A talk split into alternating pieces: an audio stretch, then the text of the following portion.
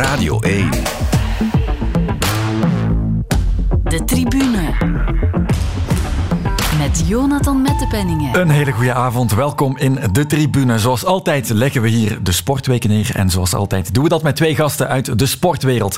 Vandaag verwelkom ik Dennis Said, presentator en commentator bij Play Sports en host van zijn NBA-podcast X&O's.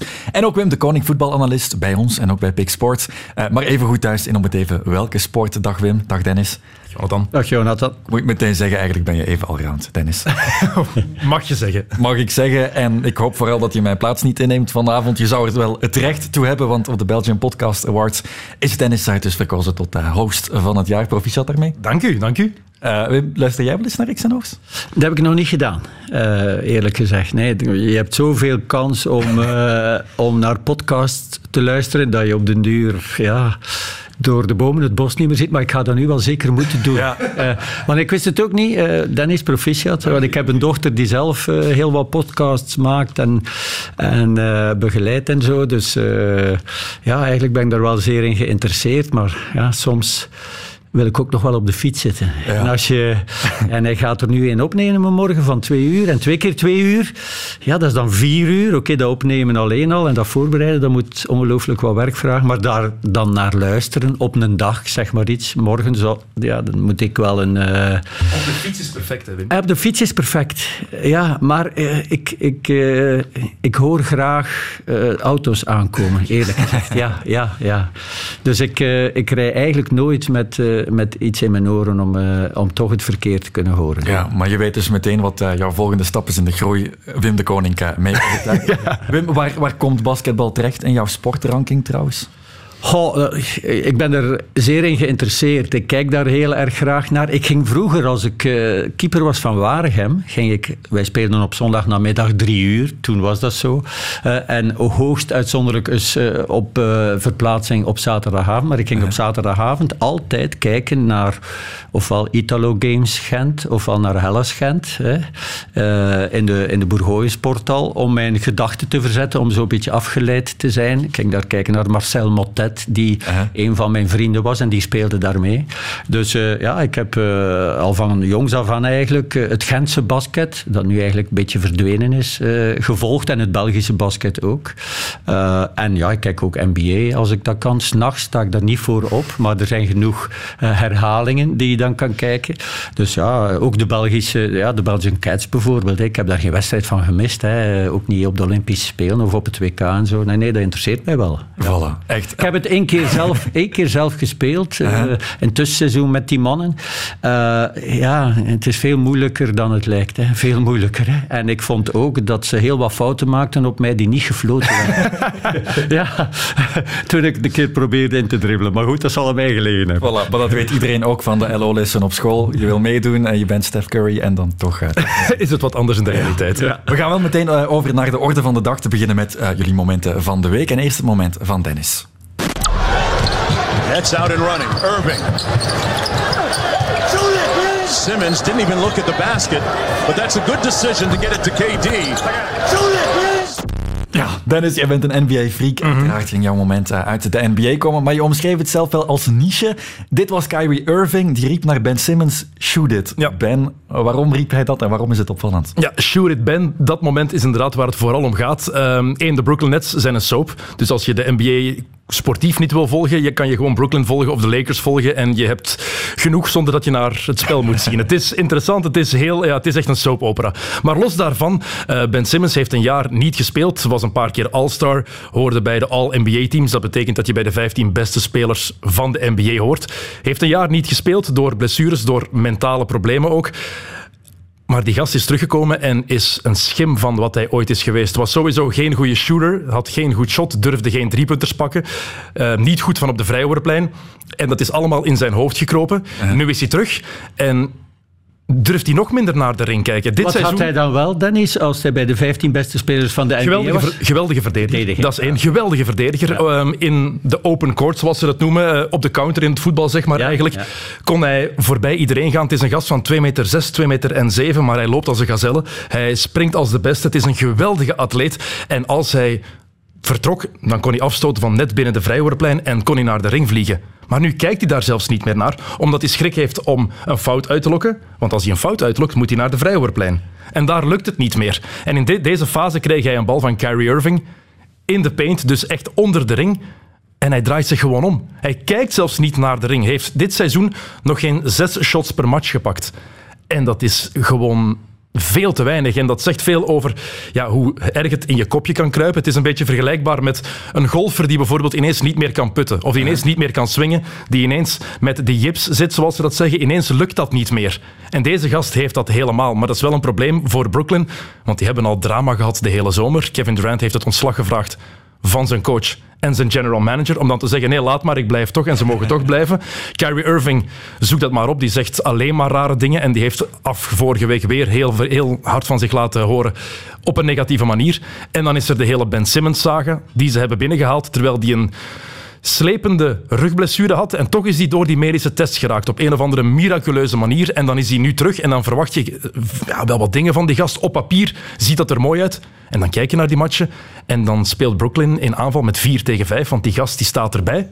Maar die staat erbij en kijkt ernaar en je hebt daar niks aan. En dat is erg om te zien van een gast waar nog zoveel potentieel in zit. En als Irving dan roept, shoot it Ben, is dat om hem te helpen? Of is dat ook, want hij weet dat hij geen vertrouwen heeft. combinatie van de twee. Ja, is frustratie Ja. en om te helpen natuurlijk. Ja. Maar het straffe daaraan is vooral, is, ja, Irving die zegt dan in de persconferenties daarna, ehm, hij heeft twee jaar bijna niet gespeeld. Het is eigenlijk gewoon één seizoen niet gespeeld. Ehm, geef hem wat krediet, give hem some slack.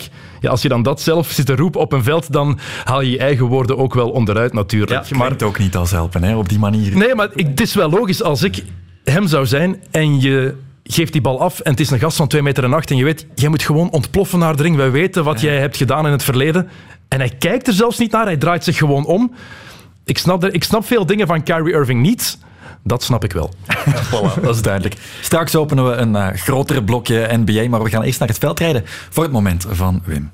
Het zal vooral een mooie dag worden voor Laurens Zweek, want al een aantal keer er dichtbij geweest dit seizoen. En dan toch telkens net naast de zege gegrepen. Gisteren nog een Ruddevoorde werd die tweede. Dus nu dan toch eindelijk dat hoogste plekje op het podium. Dat zal hem heel veel plezier doen. Allee, je ziet dat dat niet, niet veel nodig had om een keer mee te zitten. En ik ben blij dat het eh, is gelukt is. Ja. De frustratie van gisteren, kleine frustratie, we gaan dat niet opkloppen natuurlijk van Ruddervoorde, speelt dat al een rol? Ja, nee, het- blijft koers en ehm, het is goed dat er wat animo is. Eh, zo is de laatste cross terug wat nieuw leven in, denk ik. Kan je mij nog eens uitleggen waarom de meeste renners dit niet zo aangenaam vinden met die vele stenen? Want je zou kunnen zeggen, een ondergrond is een ondergrond. Je moet een keer eh, met je blote voeten op gras lopen en dan met je blote voeten op scherpe stenen. En je weet ook het verschil. Hè. Het is echt geen parcours om op te rijden. Je kunt geen bocht pakken, je hebt nergens grip. Mijn valpartij was echt door de steen. Ehm, ze hebben denk ik één steen aangeduid met een beetje oranje spuitbus, maar dat was echt belachelijk. Dus eh, voor volgend jaar kom je denk ik zeker niet meer terug. Oh la la, dat is scherpe kritiek. Als ze hun best doen en alles afgraven en er mooi eh, eh, gras op leggen, is dat echt eh, een meerwaarde. Maar nu, het was geen enkel stuk rechtdoor, het was geen enkel stuk vlak.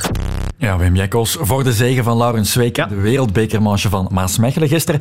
En dus ook voor de kritiek op het parcours achteraf, die was er ook van Elie Iserbiet. Waarom koos je hiervoor? Oh, wel, ik moet zeggen, eh, cyclocross, dat staat hoog op mijn lijstje van interessante eh, sporten. Terwijl veel mensen dat maar een provinciale sport vinden met af en toe een paar Nederlanders en, en een verdwaalde Spanjaard of Amerikaan of een Duitser. Eh, maar ik ga ook al jaren, van als ik klein was, naar, eh, En ik mis bijna nooit iets. Hè. Ik ga ook regelmatig eens live kijken. Laurens Week, waarom? Ja, vorig jaar Ondanks vijf zegens zat hij bij Sausen Pauwels Bingo ja, een beetje tussen Michael van Toernout en E- Eliezer Biet gevangen. En dat zag je ook aan hem en zelfs aan zijn prestaties. Drie kopmannen in één ploeg is te veel. Dus eh, ja, die moest daar weg. Maar zat daar nog wel met een dik contract. Nog door in de tijd van Hoof en Timmy Simons gegeven. Hè. Daar was hij nog mee bezig. Eh, en heeft dan toch dat contract vroeger opgezegd om naar Krelan Fristads te gaan nu. En je ziet eh, een, een, de wedergeboorte van Laurens Zweek. Hè. Hij heeft nog maar één keer gewonnen gisteren, zijn eerste wereldbekerzege, maar hij had al uh, laten zien dat hij nog nooit zo goed geweest is als nu. Dus hij heeft wel uh, ja, extra motivatie gevonden in het feit dat hij daar zich niet goed voelde in die andere ploeg. Dat zag je gewoon. Ja. Uh, dus ja, is daardoor naar zijn allerbeste niveau aan het groeien. Een beetje pech gehad ook al. Het zit ook wel een beetje in zijn carrière, dat pech hebben. Hij is eigenlijk een zandcrosser, maar in Fayetteville bijvoorbeeld, dat is waar hij vorig jaar in de wereldkampioenschap niet aan te pas kwam, was hij nu van, kon hij gewonnen hebben. Nu ook nu lag er geen zand op het parcours, maar was hij heel sterk. Ook in Ruddervoorde was hij heel sterk. Uh, start meestal niet zo goed, uh, maar dat hij gisteren dan won en outstanding was, ja, dat zat er aan te komen. Dus we hebben er een extra man bij. En Eli, ja, ja, achteraf op het parcours die, die kritiek. Een beetje in de ontgoocheling, denk ik. Want, Quinten Hermans had er ook over geklaagd, dacht ik. Wel, die heeft, die heeft in de eerste bocht al, is die al gevallen. Ja, die is, was als tweede weg eh, en die is, ge, eh, die is gevallen in de eerste bocht. Heeft bijna iedereen laten passeren, maar is wel op 33 seconden maar geëindigd. Dus heeft een geweldige wedstrijd gereden. Uh, maar Eli, ja, dat is de man. Gisteren werd door Ruben van Gucht en, en Paul op tv ook nog wel eens gezegd dat is degene die nu het cyclocross recht houdt. Mm Slimme jongen, die altijd naar zijn mening gevraagd wordt en daar altijd voor uitkomt. Maar wat hij gisteren zei, vond ik persoonlijk niet zo slim. Hè? Uh, welke manier? Op, op blote voeten, ja. hij heeft niet op blote voeten gecrossed. Ja. En hij moest niet vallen. Hè. Je mag ook recht blijven in de cyclocross. Je kan wel eens vallen. En dan zal zo'n steen in het parcours ook wel meespelen, natuurlijk. Hè. Als je alleen maar gespreide bedjes wil krijgen. Terwijl gisteren in Maasmechelen, ja, dat was top om te zitten kijken. 10.000 mensen, ambiance, uh, prachtig parcours om naar te kijken van op televisie. Iedereen was zeer lovend. En dan komt Eli met zoiets, een beetje gesteund ook door Lars van der Haar achteraf. Uh, ben toch eens benieuwd als ze de stenen laten liggen, of hij volgend jaar toch niet terugkomt als het weer wereldbeker is. En dat er, ja, stel je voor, hè, want er was al wat tanende belangstelling, omdat Van Aert en Van der Poel wat later instappen. Uh, ja, als je dan zoiets hebt als gisteren, dan vind ik het ja, niet goed dat je dat gaat afbreken. Het zal ook wel in een soort ontgoocheling gezegd geweest zijn. Eli ja, is van bij mij in de buurt ook en ik ben ook wel supporter van Eli. Ik vind het een geweldig mannetje. Maar uh, ja, en, en wat die meestal ja, is erop, maar gisteren vond ik er dat wel een beetje over. Het is vooral ook de manier wat, dat hij het zegt over die stenen valt te begrijpen. Ja, dat je daar niet blij mee bent, kan. Maar dat je dan zegt, ja, hier kom ik nooit meer terug. Ja, dat is dan weer net misschien dat stapje te ver. Tenzij dat ze gras zaaien ja, en alle stenen wegdoen. Ja, dat is uh, inderdaad. Maar hij is wereldbekerleider, heeft al alles gewonnen. Uh, won zaterdag ook. Had wat kritiek gekregen van, uh, van Laurens Week. dus ja, daar leeft het veldrijden wel van. Hè. Dus ja, dat is niet slecht. En we hebben conflicten nodig in het ja, veldrijden. Voilà. En morgen hebben we de Koppenberg. Eli gaat daar winnen. als Van der Haar hem geen pot in de kort zet. En Laurens Week, ja, dat is niet zijn parcours natuurlijk. Die zal daar achtste eindigen, denk ik dan. Tenzij hij inderdaad zo goed is dat hij ook op zo'n soort parcours, nu, zoals nu morgen en dan zondag voor het TK in Namen, dat hij opeens uh, ook weer boven zichzelf uitstijgt. Zou kunnen. Ja, benieuwd of er stenen zullen liggen. Over ja. dat parcours zal het laatste nog niet gezegd zijn, maar meer veldrijden in volgende edities van de tribune. De tribune. Radio 1 van de cross naar het basket. Want vrijdagavond kwam er opvallend nieuws uit het kamp van de Belgian Cats. Aster. Nafikian komt vandaag met nieuws, maar er is ook nieuws heet van de naald over het basketbal. Klopt, Annelies, over onze Belgian Cats, onze nationale vrouwenploeg. Emma Meeseman en Kro Co liever, krijgen binnenkort een nieuwe trainer, want Valérie Demory is ontslagen. De Fransman van 59 was nog maar een goed jaar coach van de Cats. Hij volgde toen Philippe Mestag op. twee kernproblemen uh, waar we mee zaten. Eén, het behoud van de cultuur van de Cats. Uh, de historiek uh, van waar we vertrokken zijn en hoe dat we tot dit niveau zijn gekomen.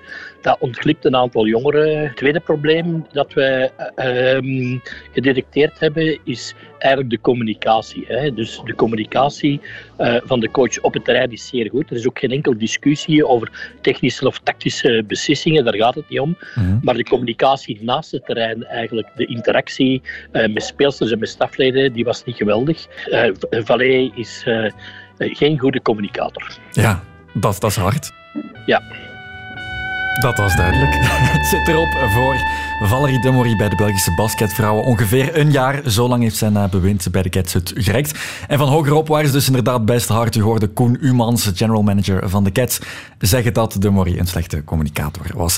Dennis, ik vond dat de beslissing ook wel best op een raar moment kwam, want het WK is nu toch ook al een maand geleden en ze zijn ook nog niet opnieuw in actie gekomen. Nee, en op 24 en 27 november spelen ze twee belangrijke kwalificatiematchen voor het EK. Eentje tegen Bosnië.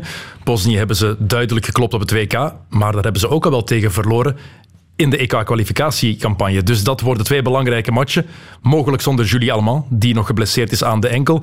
Ehm, en ze moeten nog op zoek naar een nieuwe coach. Ze hebben die nog niet. Dus die moeten ze nog aanstellen. Die moet de groep nog leren kennen. Die moet nog zijn stempel proberen drukken. Dat gaat waarschijnlijk niet het geval zijn. Je gaat door op wat je de afgelopen periode, het afgelopen jaar hebt gedaan met Demory. Uh, maar het is wel inderdaad, wat je zegt, hele, een heel frappante timing. En harde woorden ook van Koen Umans. Nochtans heeft hij Demory mee aangenomen. Ik denk dat dat ook wel mee, tenminste de, de top van het, van het Belgisch basketbal, heeft deze mens wel aangesteld. Als het geen goede communicator is, dat is wel iets wat je op voorhand moet, moet onderzoeken en wat je op voorhand ook moet weten. Als er één ding is wat je doet met een coach op voorhand, dan is het praten. Mm Is het horen bij andere teams, hoe heeft hij daar gewerkt, hoe heeft hij daar gecommuniceerd met jullie. Um, dus ik vind dat heel opvallend dat, dat, eh, dat het nu gebeurt, inderdaad. En het wordt een eh, race tegen de klok voor de Cats om iemand nieuw aan te stellen en om vooral de juiste keuze te maken. Want het gaat er eh, bonk op moeten, er bonk op moeten zijn eigenlijk meteen. Ja, het communicatieprobleem lag niet aan een mogelijke taalbarrière, maar de Mori is een Fransman die bijvoorbeeld ook geen Engels praat. Dat moet inderdaad misschien geen voorwaarde zijn, maar ik denk voor de teambinding kan dat wel meespelen. Ja, ik vind het ook heel vreemd om te geloven dat dat geen dat het geen probleem zou geweest zijn, dat dat geen onderdeel daarvan zou zijn. Um, het Engels is heel vaak de voertaal in het basketbal. Dat is gewoon zo. En als je kijkt naar de selectie van de Cats, een heel groot deel daarvan is niet Franstalig. Die praten allemaal Frans, die begrijpen dat ook. Maar als je coach dan alleen maar Frans kan praten, dan kan ik me wel inbeelden dat dat een probleem kan zijn. Want je hoorde uh, Koen Umans ook praten, ja, de communicatie met de speelsters naast het terrein was ook niet goed. Ja, dan ga je mij niet zeggen dat dat, dat geen rol speelt. Uh, ik bekijk het allemaal van op een afstand. Ik zit daar niet in, dus het is puur hoe ik het van op afstand interpreteer. Maar dan is, lijkt het mij heel moeilijk om te geloven dat daar geen kleine taalbarrière is als meer dan de helft van de ploeg Nederlandstalig is. Uh, kijk naar Philippe Mestag, die communiceerde met zijn speelsters in het Engels. Die had het ook in het Nederlands kunnen doen, of in het Frans, want die is de twee talen machtig. Maar dan zag je Demory bijvoorbeeld op de, op de persconferenties. Ja, het Engels moest door een tolk, moest door iemand vertaald worden voor hem, omdat hij het niet begreep. Dat, ja, we, dachten dat ook op voorhand al, dat dat wel eens een probleem zou kunnen worden. Ehm, maar ik geloof ook niet dat dat het enige probleem is, die communicatie. We hebben het WK gezien. We hebben gezien hoe de Cats gespeeld hebben. En dat was gewoon niet, niet goed genoeg. En dan is het gemakkelijk om te wijzen naar Emma Meesman dat die niet op niveau was. Daar zijn volgens mij een paar redenen voor. Maar los daarvan heeft Demorie ook gewoon niet de dingen gedaan die hij op voorhand wel had gezegd die hij ging doen. Minder leunen op de grote speelsters, minder leunen op Emma Meeseman en Julie Allemand. Als je, dat in, als je die dan in een iets minder belangrijke match 34 en 37 minuten op het veld laat staan van de 40, dan hou je je niet echt aan je woord en dan ja, dan zet je misschien, verkeer, ga je misschien een stap in de verkeerde richting. Uh, ja. Sven van Kamp, dat is de sportief manager uh, bij de Cats, die zijn na het WK, waar ze dus vijfde eindigen, dat de Cats absoluut voldaan hadden aan de verwachtingen, dat het belooft voor de toekomst, maar speltechnisch was het inderdaad toch weinig soeps. Ja, je, ze hebben voldaan aan de verwachtingen, ook, uh, en vooral omdat Emma Meesman is uitgevallen. Hè? Ja, je, maar dat kan... Je, kan niet, je kan niet verwachten dat je zonder Emma Meesman de halve finale haalt. Dat alleen al is excuus genoeg. Emma Meesman is de beste speelster van Europa. Um, het is de vrouwelijke Tim Duncan. Het is de ultieme teamspeelster. Die is zo goed, zo getalenteerd en zo belangrijk voor, voor de ploeg je kan dat niet vervangen. Je kan dat ook niet opvangen. Dat zou, te, dat zou een, ja, een mirakel zijn, zeg maar. Dus je kan inderdaad daardoor niet ontgoocheld zijn. Mhm. Maar wat we daarvoor op het veld gezien hebben, was niet wat we eigenlijk verwachten van de Cats, omdat ze gewoon intrinsiek beter zijn dan dat. En daar zijn redenen voor, ook voor het mindere spel van Emma Meesman, geloof ik dat daar genoeg redenen voor zijn, die niet alleen aan de nu ontslagen bondscoach lagen. Ja. Wat ik mij afvraag, Dennis, is eh, als je de vrijdag iemand ontslaat, toch al na een periode na het WK, heb je dan echt nog geen contact gezocht met iemand die kan opvolgen? Moeten ze daar nu pas mee beginnen? Heb dat is de vraag, hè? Is die, is... komen, want ik, heb, ik heb dus gebeld met Koen ja? Ik heb die vraag ook gesteld. Ze zijn daarmee bezig, dat zeggen ze. Maar concreet is het niet natuurlijk. Maar dat zou je inderdaad denken, het lijkt logischer als die, dat die beslissing dat die eraan zat te komen, dat, dat is, daar twijfel ik ook niet aan. Ze gaan dat niet last, last minute beslist hebben. Maar dan zou je denken dat ze al met iemand anders bezig zijn. Nu, nog eens, ik zit daar niet in, dus ik heb ook geen inside informatie daarbij. Uh, dat, het feit dat ze daar nog mee bezig zijn, het feit dat er nog niet gecommuniceerd is over een eventuele nieuwe coach, dat wil wel wat zeggen. Uh, kijk in het voetbal, als er een trainer ontslagen wordt, er staat er meteen een klaar. Oh ja, Bijna altijd. Ja, en goh, of soms laten ze wel een T2 overnemen, omdat ze denken, ja, die kan dan misschien wel beter of even goed. En als die dan, maar zeggen ze meestal bij, die is ad interim. Hè. De gesprekken lopen dan. Ja, voilà, met anderen. Tenzij die T2 het goed doet, dan nemen ze niemand nieuw, omdat dat dan ook weer minder geld kost natuurlijk. Hè, want iemand ontslaan, dat kost natuurlijk wel iets. Ik heb geen idee uh, wat de Maurie zijn, uh, zijn gage was op jaarbasis en hoeveel ze dan moeten betalen. Ik heb, ja, ik heb daar geen idee mee over. Maar uh, ja, het lijkt mij heel raar dat ze nog niemand anders hebben. Ja, absoluut. Um, maar het probleem is natuurlijk ook, ze kunnen inderdaad niet ontgoocheld zijn van dat WK door de blessure van Emma Meeseman. Dat, dat blijf, ik, uh, blijf ik op hameren, dat is te belangrijk. Maar deze ploeg heeft zoveel potentieel. Er is heel wat veranderd natuurlijk, mogen we ook niet vergeten, want we hoorden Koen Umans daar praten over ja, de, cultuur, de cultuur die daar eigenlijk geïnstalleerd is bij de Cats. Ja, niet alleen Filip Mestag is weg, Kim Mestag is ook vertrokken, Jana Raman is uh, bevallen, dus die zit ook niet meer bij de ploeg. Uh, Hanne Mestag die is er ook niet meer bij. Um, Marjorie Carprio die loopt er ook niet meer bij. Anne Wouters is weg. Carprio en Wouters die speelden niet meer. In Tokio hebben die amper gespeeld. Maar dat waren wel vrouwen die een grote impact hadden ook op die kleedkamer en op die cultuur. Dat is iets dat, ja, dat wel tijd nodig heeft, denk ik. Ja, de, de, de situatie valt misschien een beetje te vergelijken met de Rode Duivels, eh, met een gouden generatie ja, die aan het aftakelen is of aan het weggaan is. Maar jij bent ervan overtuigd dat het potentieel er wel in zit. Absoluut. Kan want dat brons van 2018 bijvoorbeeld nog overtroffen worden met wat we nu hebben? Wat... Ik denk van wel, er is meer dan genoeg potentieel. Uh, Abdelkader die is er nu bijgekomen, die zit daarbij. Dat is een, ik vind het een ongelooflijk goede speelster, ook een heel mooie speelster om naar te kijken. Julie Alman die heeft wat blessures gehad. Die moet ik heb het gevoel dat hij niet altijd met het volste vertrouwen speelt. Ik heb ze ook zien spelen uh, afgelopen zomer met de Chicago Sky. Speelde tegen Las Vegas. Dat waren de twee topploegen in het reguliere seizoen in de WNBA. Mm -hmm. En ja, Julie was daar een roleplayer, speelde 10 minuten per match. Emma Meesman is altijd belangrijk voor haar team. Maar dat is ook wat zoeken nog altijd naar dat juiste evenwicht. Maar je gaat mij niet zeggen dat er nu niet genoeg potentieel meer in deze ploeg zit. Het talent is daar. Het is gewoon kwestie van hoe je dat eruit kan krijgen en hoe je de juiste manier van spelen vindt, zodat dat inderdaad dat brons overtroffen kan worden. En bij zo'n ontslag zoals bijvoorbeeld bij de Belgian Cats, gaan ze dan ook te raden bij de speelsters en geven die dan aan van oké, okay, ja, er rond is er te weinig beleving? Daar heb ik geen idee van, maar ik ja. zou denken van wel, zeker ja. bij, de, bij de bepalende speelsters, die cultuur die is daar ook wel geïnstalleerd en zij weten ook, wij leunen op onze speelsters, ze kunnen niet zonder Emma Meeseman, ze kunnen niet zonder Julie Alman, ze kunnen niet um, zonder uh, Julie Van Loo. Er zijn zoveel belangrijke speelsters daar. Antonia de Lare nog maar één te noemen. Dus ik denk, ik, ik hoop voor hen dat ze dat gedaan hebben. Ik zal het zo zeggen, ik ja. hoop het echt voor hen. En is de impact van Philippe Mestag dan eigenlijk onderschat? Ja, hebben ze hem misschien net iets te snel... Uh... Ja, dat, dat, is moeilijk ook, dat is moeilijk om te zeggen. Stel je voor, stel je voor dat de Rode Duivels um, in Rusland verliezen tegen Japan. Ja. Zeggen we dat dan ook over Mark Wilmots? Ja, voilà. Ja, ja dat is juist. Ja. Ja. Dat is een beetje de vergelijking ja, die je daarmee misschien kan maken. Ja. ja, dat is juist. Ja, inderdaad. Dat is moeilijk. Dat is heel moeilijk, inderdaad. inderdaad Daar zit een vergelijking ja. in. Uh, er moet nu dus inderdaad gezocht worden naar iemand nieuw. Dat moet iemand worden met een internationaal profiel, hebben ze zelf gezegd. Spelen er namen? Weten we wie daarvoor een aanmerking zou kunnen komen? Niet dat ik weet. Uh, als, ik, als ik één naam als er één naam is waar ze van mogen dromen, dan is het uh, Tibbet. Dat is de coach van de Washington Mystics, uh, waar Emma Meeseman jarenlang goed mee heeft samengewerkt. Waar ze de titel mee heeft gewonnen in 2019, als ik me niet vergis. Uh, een finals waar ze finals MVP is geworden. En iemand die in het basketbal, en zeker in het vrouwenbasketbal, toch wel omschreven wordt als een, een beetje een genie. Ja. Dus als ze die te pakken zouden kunnen krijgen, maar ik weet niet hoe realistisch dat natuurlijk is. Uh, er is ook nog altijd uh, een zekere Anne Wouters, die net assistentcoach is geworden bij de Chicago Sky. Misschien staat hij te dicht bij de spelersgroep nog altijd. Dat kan niet, dat is niet altijd gemakkelijk als je met een groep hebt samengespeeld om dan over te bakken en coach te worden. Maar misschien is dat een naam om in de gaten te houden. Het zou misschien vroeg zijn. Ik denk dat ze meer ervaring willen. Maar er zijn genoeg opties uh, om achter te gaan. Zeker een naam die, een, die we in de toekomst graag zouden horen, denk ik. Ja, zeker. Hè. We hebben ze net nog gehoord op de radio, hè. een uur voor ons. Um, Ja, en, ja, het was wel een omschakeling. Ze had ook wel niet gedacht van zo snel een nieuwe uh, ja, soort carrière uh, te, gaan, te gaan maken.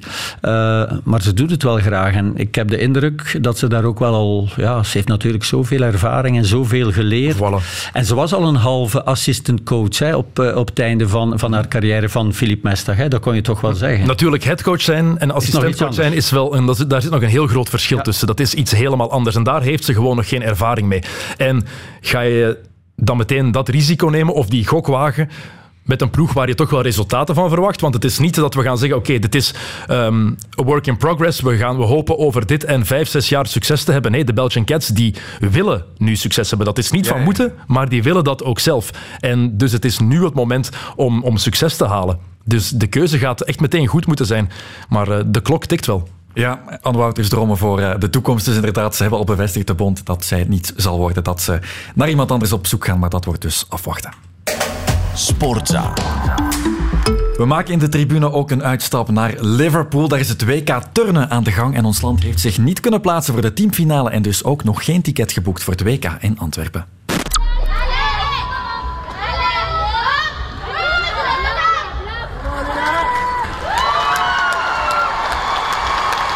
Ah bah, je pense que c'est un bon wake-up euh, pour tout le monde euh, et aussi euh, pour tout le staff. Ça montre qu'on n'est pas encore arrivé, qu'il y a encore du travail et encore des choses à modifier dans, dans les entraînements. Et je pense que c'est un bon point de départ en, vue de, de, Anvers pour une bonne remise en question. Mais on est déjà dans, dans la bonne direction, je pense.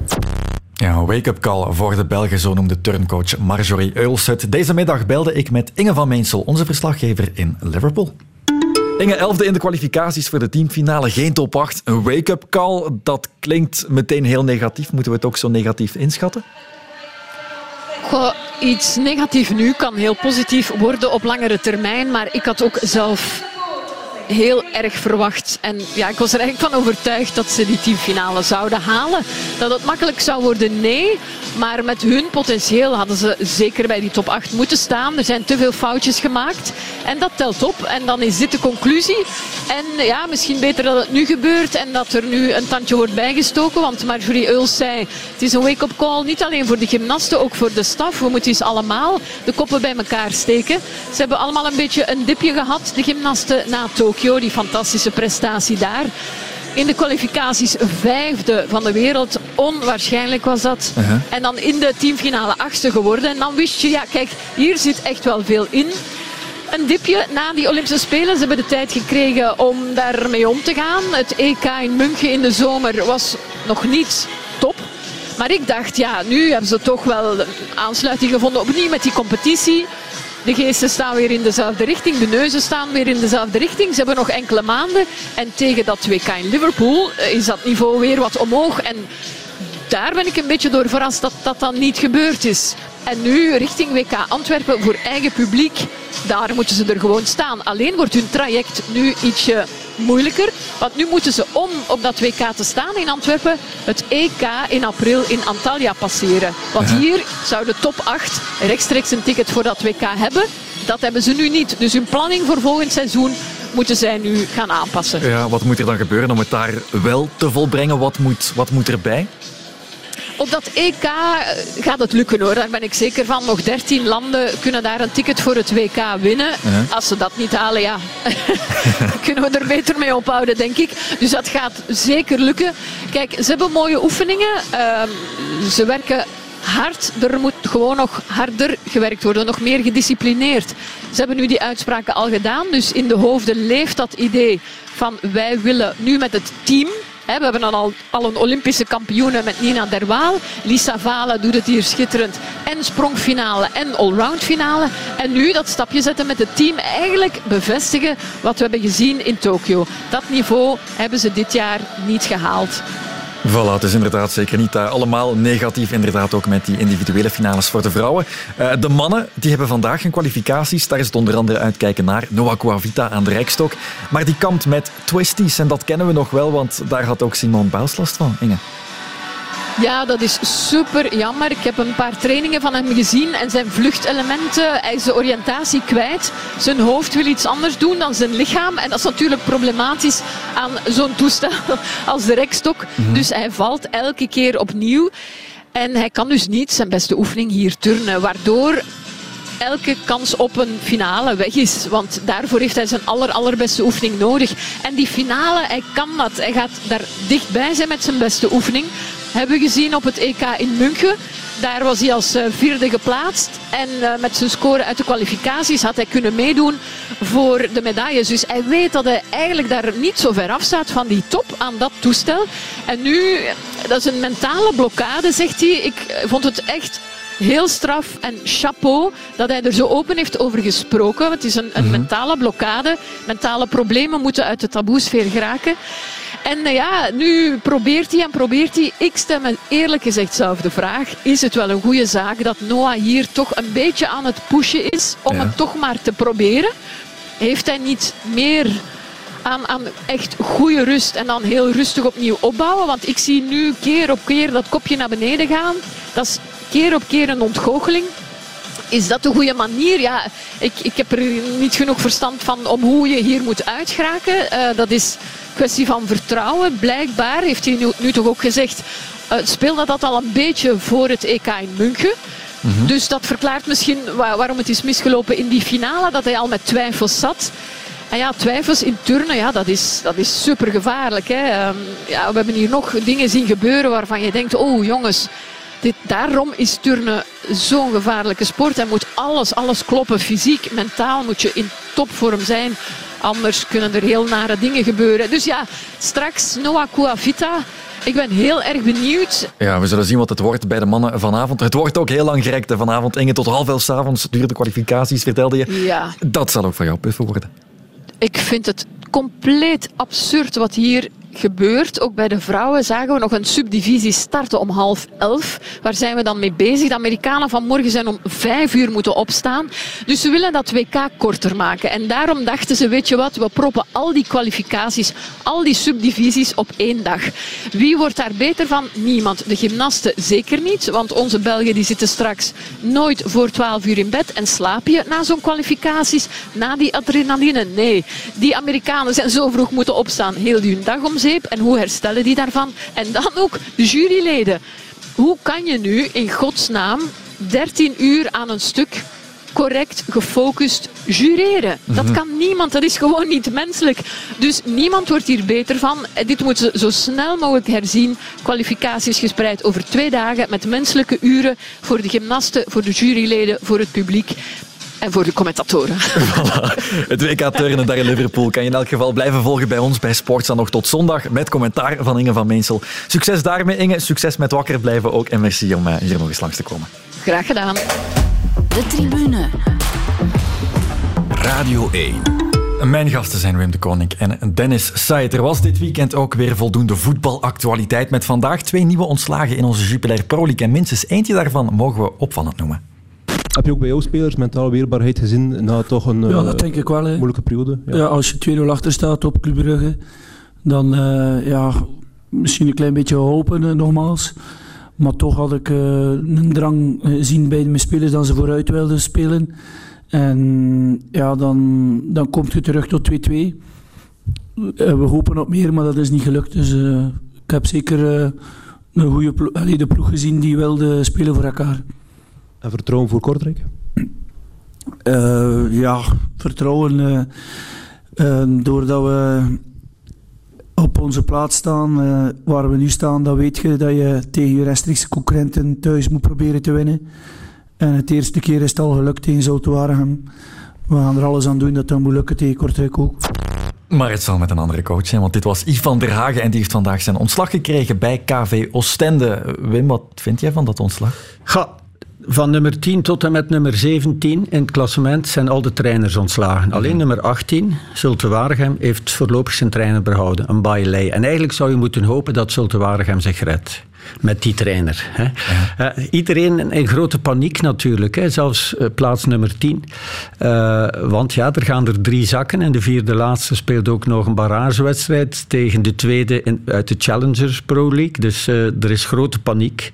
er, ja, het, eh, Belgisch voetbal, ja, dat heeft dat elk jaar een trainerskerkhof. Hè. Dus dit jaar is dat nog erger. Zeker als je dan ook ziet dat bijvoorbeeld Cercle Brugge eh, met zijn trainerswissel opeens 13 op 15 haalt of zo. Dat mm KV Mechelen, trein, uh, waar de voer komt, 6 op 6 haalt.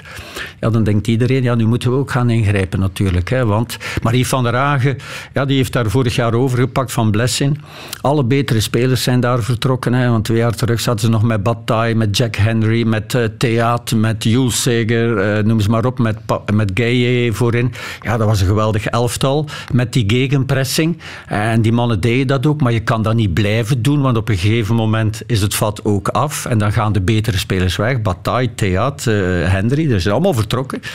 En zijn niet vervangen door spelers met evenveel uh, klasse en evenveel talent, verre van zelfs. En mhm. die staan gewoon op hun plek nu. Hè. Vorige week wonnen ze nog tegen Zulte Waregem, maar het even goed kunnen verliezen. En het is natuurlijk een rare timing. Hè? En Yves heeft nog meegedacht hè, naar volgende week toe. Want heeft Thierry Ambrose, eh, zijn spits, die al vier gele kaarten had, heeft hij niet gebezigd. Heeft hij zelfs niet ingebracht, ook niet.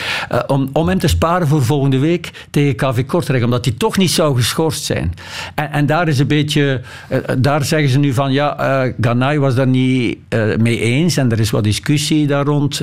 maar goed, het zal al een tijdje bezig geweest zijn. En ze zullen ook al, want zij hebben dan wel een nieuwe coach. Hè. Zal komen. Dus eh, als ze dat van de morgen al wisten en gisteren al wisten, ja, was dat natuurlijk wel al uh, een tijdje aan de gang.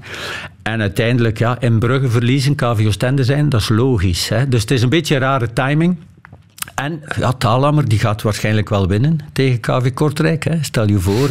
ja, dat is dan zo. Ja. En dan is dat een goede ingreep. het is erg uh, voor Yves, die uh, ja, met zijn mogelijkheden en zijn kern dit seizoen eigenlijk... Ja, vooral in het begin van het seizoen speelden ze fris voetbal, nog goed voetbal. Maar als de resultaten dan wat uitblijven, omdat je te weinig kwaliteit hebt... En dat is het vreemde toch, want hier ja. kan je moeilijk meer uithalen. Ik weet ja, ja, ja, vind ik ook. Vind ik ook. Maar ja, dat zeiden de mensen ook over Brugge, mm tot de, de assistent uh, Moeslik dan overpakt. En dan opeens uh, ja, maakten ze geen doelpunten. En opeens maken ze bijvoorbeeld ook tegen Eupen vijf, hè, Cercle Brugge, en vier in, in Agent. Hè, om maar te zeggen dat Eupen niet zo'n sterke ploeg is. En dan komen we misschien straks bij Anderlecht.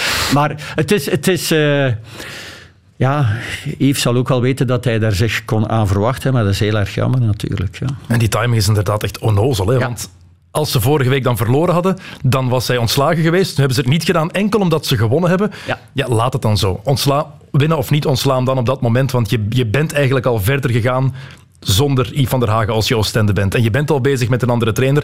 En Yves van der Hagen gaat het ook sowieso gevoeld hebben in die week dat ze al met iemand anders bezig waren en dat ze eigenlijk al afscheid van hem genomen hadden. Terzelfde tijd heeft hij wel Ambrose inderdaad gespaard van het weekend. Hè? Dus hij heeft toch nog wel even gedacht van misschien krijg ik toch nog wel de kans, zou logisch zijn, tegen KV Kortrijk, wat hij ook zo goed kent natuurlijk, Kortrijk. En als ik dan ook thuis win, zoals ik doe tegen Zulte Waregem, ja, drie punten daar onderaan is opeens ja, een, een ferme kloof als je naar beneden kijkt. Maar ja, goed... Uh, ja, en we zijn 15 wedstrijden ver. Hè. Mhm. We gaan er 34 spelen hè, voordat we weten wie er allemaal zakt. Dus dan denk ik van die laatste 7, 8 gaan er waarschijnlijk in de loop van het seizoen nog zijn die een trainer moeten gaan vervangen. Dus dat we misschien drie trainers krijgen in één en dezelfde ploeg op één seizoen.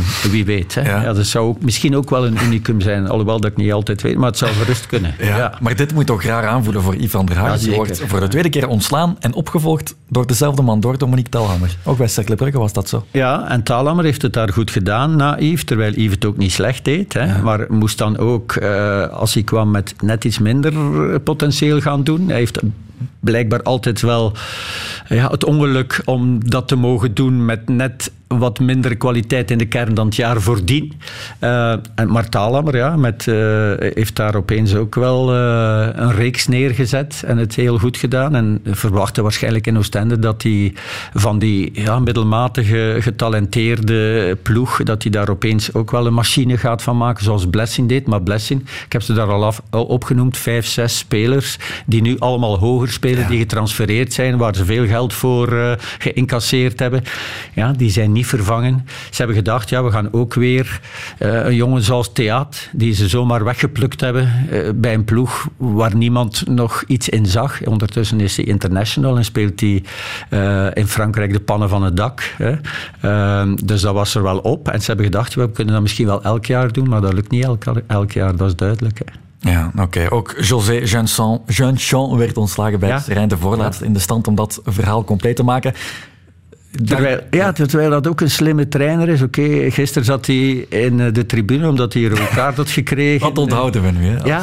van die man? Nee, maar ja, wel, ja, maar ik hoor toch wel heel goede zaken van hem. Dat het een heel uh, gewikst is en ook op tactisch vlak en zo. Maar moet daar ook met een allegaartje van spelers die van alle kanten komen, waar niemand iets van... Jonge jongens, ja, probeer maar een keer daar een geheel van te maken. Hè. Heeft uiteindelijk... Thuis verliezen ze alle wedstrijden. En hè, we zijn bijvoorbeeld in standaard gaan winnen. Hè. Stel je voor, 0-2 op een gegeven moment. Niemand gaf een cent voor Serijn, maar ze deden het wel. Dus heeft wel laten zien van iets te kunnen. Uh, en gisteren heeft die uh, assistent dan overgenomen. Hij zat in de tribune, assistent heeft overgenomen. En dan doen ze het opeens heel erg goed tegen Union. Want ik wil toch nog even ook snel terugkomen. Die penalty die Union krijgt, waardoor ze de tweede goal maken, dat is echt een aanfluiting. Dat is in geen honderdduizend jaar een strafschop, maar de VAR vindt dan toch dat er moet tussengekomen worden. En de ref geeft dan ook nog strafschop. Hetzelfde, ik kan een Bajelei begrijpen. Ik werd zelf kwaad, hè. 80 minuten ben je de evenknie van standaard, moet je eigenlijk winnen.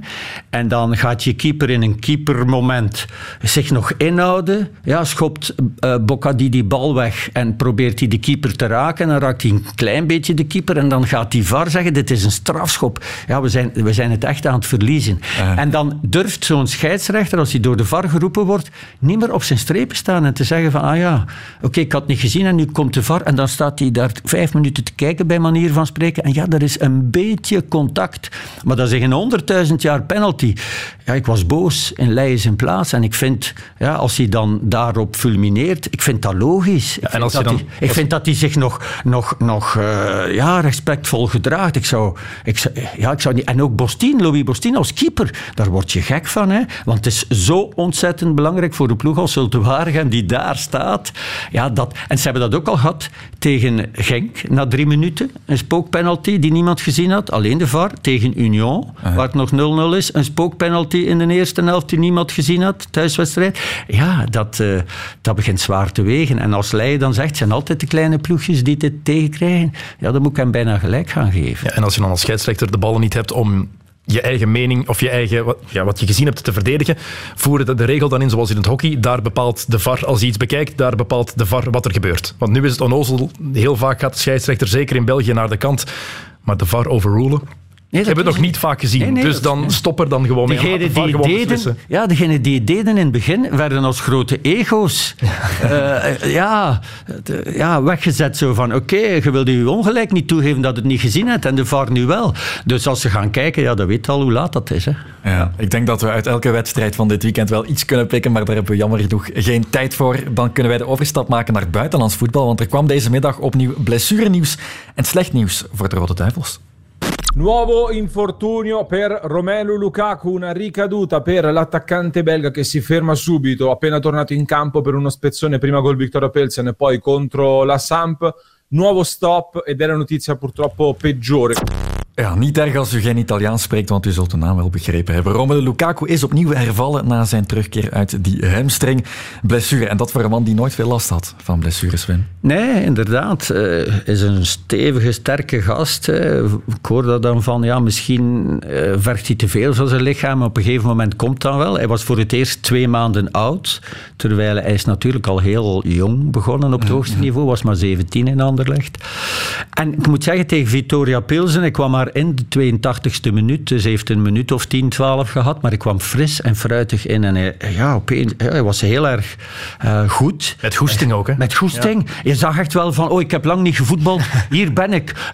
En wanneer? Mag ik niet vroeger? Mag ik niet vroeger? Uh, hij scoort dan. Uh, een hele mooie goal. Oké, okay, Victoria Pilsen, zwak broertje natuurlijk in de Champions League. Hij, legt er ook eentje klaar dat altijd doelpunt had moeten zijn. Dat een assist moeten hebben. Dus ja, je denkt van, is helemaal terug. En dan 20, 25 minuten heeft hij tegen Sampdoria gekregen wel uitgespeeld. En blijkbaar ja, na de wedstrijd en op training gisteren uh, een beetje hervallen. Ik lees ook wel, oké, okay, het is wat littekenweefsel dat wat opspeelt. En nu van het weekend, of uh, Champions League is er niet bij. Goed, ze zijn, ja, al, ja. Ze zijn al geplaatst. Het is geen belangrijke wedstrijd tegen Bayern München. Uh, dus ja, en Juve ook al, zeggen ze. Dus, Zou hij ook kunnen missen. Maar is ja 21 dagen voor het WK ja? opnieuw geblesseerd uitvallen. Dat is heel slecht voor de moraal, denk ik. Voor zijn moraal en voor de moraal van uh, Martinez, die voordien, als er ook sprake was van Lukaku zou misschien eens niet fit moeten geraken, zei van, ah, dan moeten we misschien met wat meer aanvallers spelen. Mm-hmm. Dat is dan het enige wijze natuurlijk. Hè. Dat wij maar gaan aanvallen, waarom zouden we dat niet doen? Maar Romelu, ja. En daar zijn... Hij blijft toch de man die ja, geweldig veel doelpunten heeft gemaakt voor ons. Die, hij heeft zijn beperkingen, maar ook zijn ongelooflijke kwaliteit. We hebben hem nodig, Wim. Het is, het is heel simpel. We hebben het woord timing al veel gebruikt ja. vandaag als het gaat over ontslag van ja. van de trainers. Dat was vreemde timing. Dit is gewoon vreselijke timing. Hè? Drie weken voor de start van het WK, onze, onze, onze belangrijkste spits hoe vang je dat op? Want als die terugkomt, het is niet alleen mentaal, maar ook fysiek. Hoe klaar gaat die zijn? Oké, okay, Romelu is een, een fysiek beest. Is iemand die... Niet veel nodig heeft. Niet veel nodig ja. heeft om klaar te zijn, inderdaad. Ja. Maar er is ook zoiets als wedstrijdritme. Ja, en dat is heel belangrijk. Zeker voor een spits. Dat vertrouwen hebben als je voor het doel komt. Dat vertrouwen hebben om te weten, oké, okay, ik heb maar één toets nodig om die, om die keeper te passeren. En zeker op een WK, want dan staat er nog meer druk op. Er is meer druk voor een, een, match in de groepsfase op een wereldkampioenschap dan tegen Sampdoria in de Serie A. Dat is gewoon, dat is gewoon een feit. Zeker bij de nationale ploeg van België. Daar wordt er altijd met een, ja, met, uh, een beetje meer sceptische blik naar Romelu Lukaku gekeken. Dat weten we. Ja, dus... Maar, maar ja, Courtois, De Bruyne, hij past in het rijtje van spelers die we niet kunnen missen. Ja, dus die drie moeten er zeker bij. Hazard, ja, dat is een ander. Vroeger was dat de vierde.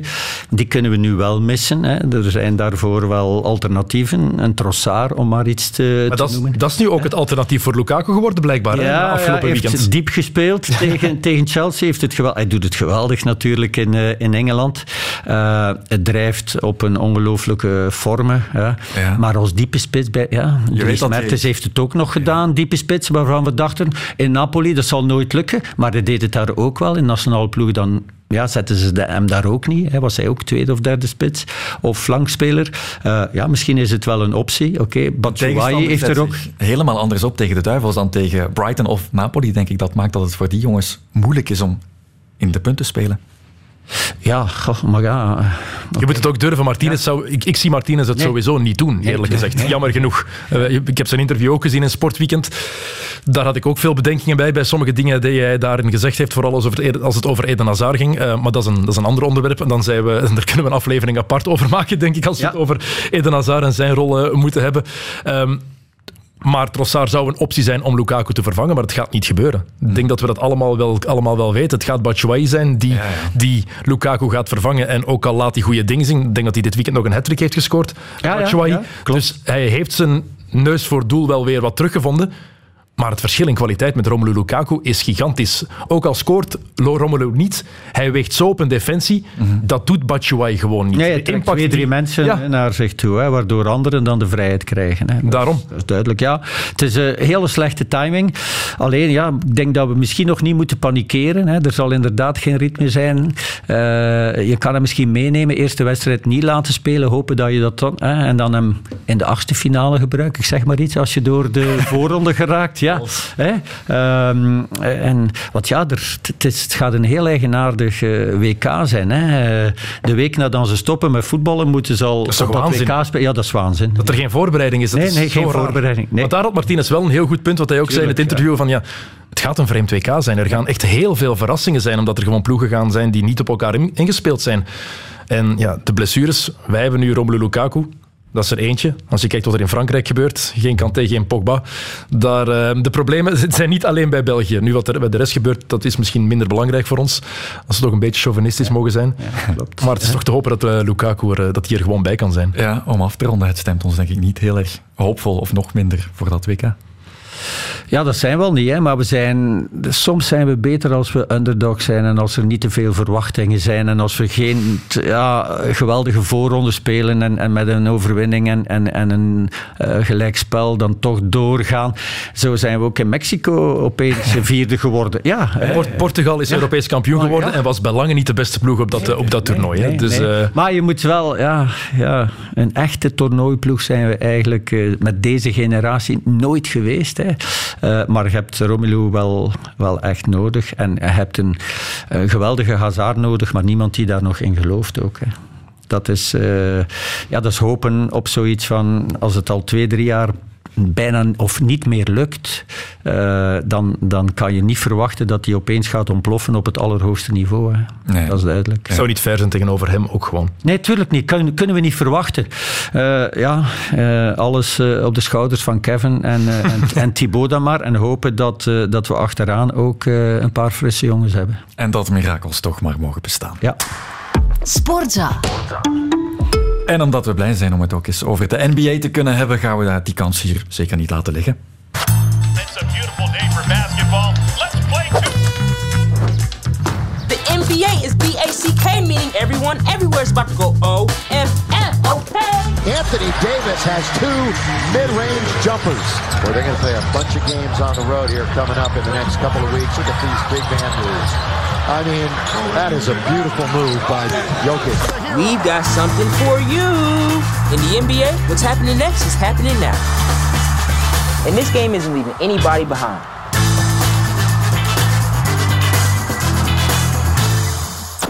Voilà, om erin te komen. Een trailertje. Hoeveel nachtwedstrijden heb jij dit uh, seizoen al op zitten? Te veel.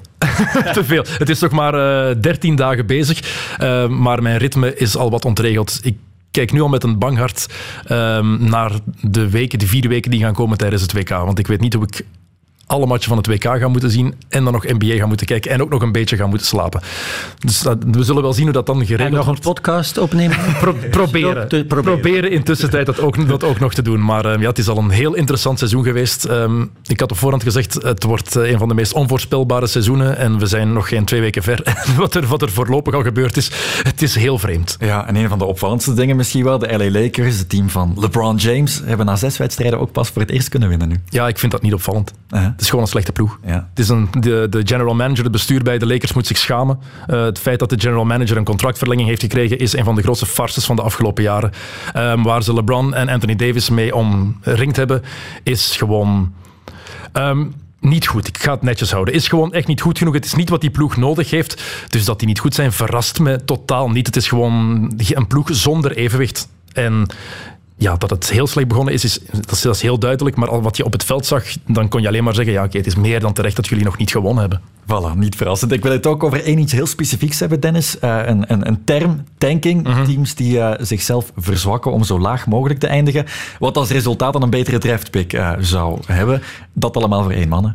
Voor één man, eigenlijk voor twee. Want Victor Wembanyama is de hoofdprijs. De ja. Fransman, 7 foot 4, 7 foot 5. Dat is 2,21 meter ongeveer. Maar hij beweegt en hij speelt zoals een gast van 1,95 meter. 95. Ja. Het is ongezien. Uh, het is geen unicorn meer, zoals ze zo'n spelers normaal noemen. Het is zoals LeBron James het ook zei, het is een alien. Het is nog nooit gezien. Wat die gast, als die fit blijft, dan heeft hij alles in zich om misschien wel de beste aller tijden te worden. Weet je nooit natuurlijk, daarom heeft dat potentieel. Uh, maar inderdaad, daardoor is er nog meer tanking. Dat is niks nieuws, dat gebeurt al jaren. Vroeger wat ging de nummer 1 draftpick, want na elk seizoen mogen de ploegen spelers kiezen. Ofwel uit Europa, ofwel van college. Um, vanaf het jaar dat je 19 bent, mag je naar de NBA gaan. Vroeger ging dat automatisch naar de slechtste ploeg. De twee slechtste ploegen die deden een coinflip, effectief gewoon een, een tos met, de, met, de, met, een, met een munt. En dan wist de winnaar daarvan, van die coinflip, wie de nummer 1 pick had. Dat hebben ze veranderd. Er is een loterij gekomen. Uh, en vroeger kreeg de slechtste ploeg dan het hoogste aantal, uh, het meest aantal kansen op de nummer 1 pick. Dat proberen ze nu te veranderen. Om het eerlijker te houden, om dat tanken tegen te gaan. Want ja, ploegen die proberen hun, ploeg, hun club inderdaad gewoon zo hard mogelijk te verzwakken, zodat ze zoveel mogelijk zouden verliezen. Nu krijgen de drie slechtste ploegen 14% kans op de nummer 1 pick. Maar dat betekent ook 86% dat ze het niet halen. Ehm, flatten the odds noemen ze dat, om het eerlijker te maken. Maar er zijn dit jaar wel vijf, zes ploegen die in principe zouden moeten tanken, maar drie daarvan zijn fantastisch aan het jaar begonnen. Dus dit is, eh, het gebeurt al niet op dit moment. Misschien nog kort, is er een manier om dat tegen te houden? Nee. Nee. Nee, je kan, ja, je kan stoppen met die lottery, stoppen met die loterij en stoppen om de slechtste ploegen het hoogst aantal kansen te geven. Ervoor te zorgen dat bijvoorbeeld ploegen geen drie jaar op rij in de top drie kunnen draften. Je kan genoeg regels inbrengen, maar het is iets wat bij, wat bij Amerikaanse sporten hoort. Hè. In de NFL, in het American football, krijgt de slechtste ploeg altijd de nummer één pick. Daar is zelfs geen loterij. Die krijgt het automatisch. Het En hoort zijn, een er beetje... dan, zijn er dan supporters die supporteren om te verliezen?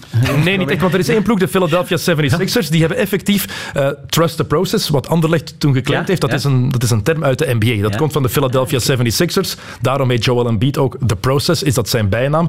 Die hebben effectief vier jaar op een rij een, ik ga het sorry plat zeggen, een kutploeg op het veld gestuurd om zo slecht mogelijk te zijn. En dat trok ook op niks. Front row tickets kosten toen 20 dollar bijvoorbeeld. Wat ongezien is in, in, in de NBA. Dus, Toch wat volk binnen te krijgen. ja, kijk, dus de supporters zijn daar geen fan van. Ehm, achteraf, als het resultaat levert wel natuurlijk. Maar ja, als je een jaar hebt waarin je 82 matches speelt en je wint er 15 van, daar wordt niemand vrolijk van. Nee, tuurlijk niet. Ja. Nee, voilà. Zo zijn we aan het einde van het uur gekomen. Gaat altijd veel te snel voorbij. Maar een nieuwe kans is er volgende week, want er komt weer heel wat aan. Dennis, Wim, waar kijken jullie nog naar uit in de komende sportweek? Eh, de World Series Baseball zijn bezig. Ik ben deze zomer naar Amerika geweest en ik ben gaan kijken in San Francisco. ehm, en ook een docu-reeks over Derek Jeter gezien. En ineens helemaal terug into baseball. Dus ik kijk wel uit naar de World Series, naar match 3 straks. Oké, en jij bent? Ik werk twee dagen eh, voor de ja, een Multilife Champions League. En dan woensdag ga ik naar eh, AC Milan Salzburg. Belangrijke wedstrijd nog voor Milan. Even kijken naar eh, Origi en Charles de Ketelaar. Misschien zijn dat wel vervangers voor Lukaku straks op het WK, wie weet. Dat kan inderdaad. Voilà. Dennis, Wim, dankjewel om tot hier te komen. En extra dankjewel aan Wim om onze hele late oproep nog te beantwoorden. Had ik nog niet gezegd. Volgende maandag een nieuwe aflevering van de Tribune met Nicola de Brabanders.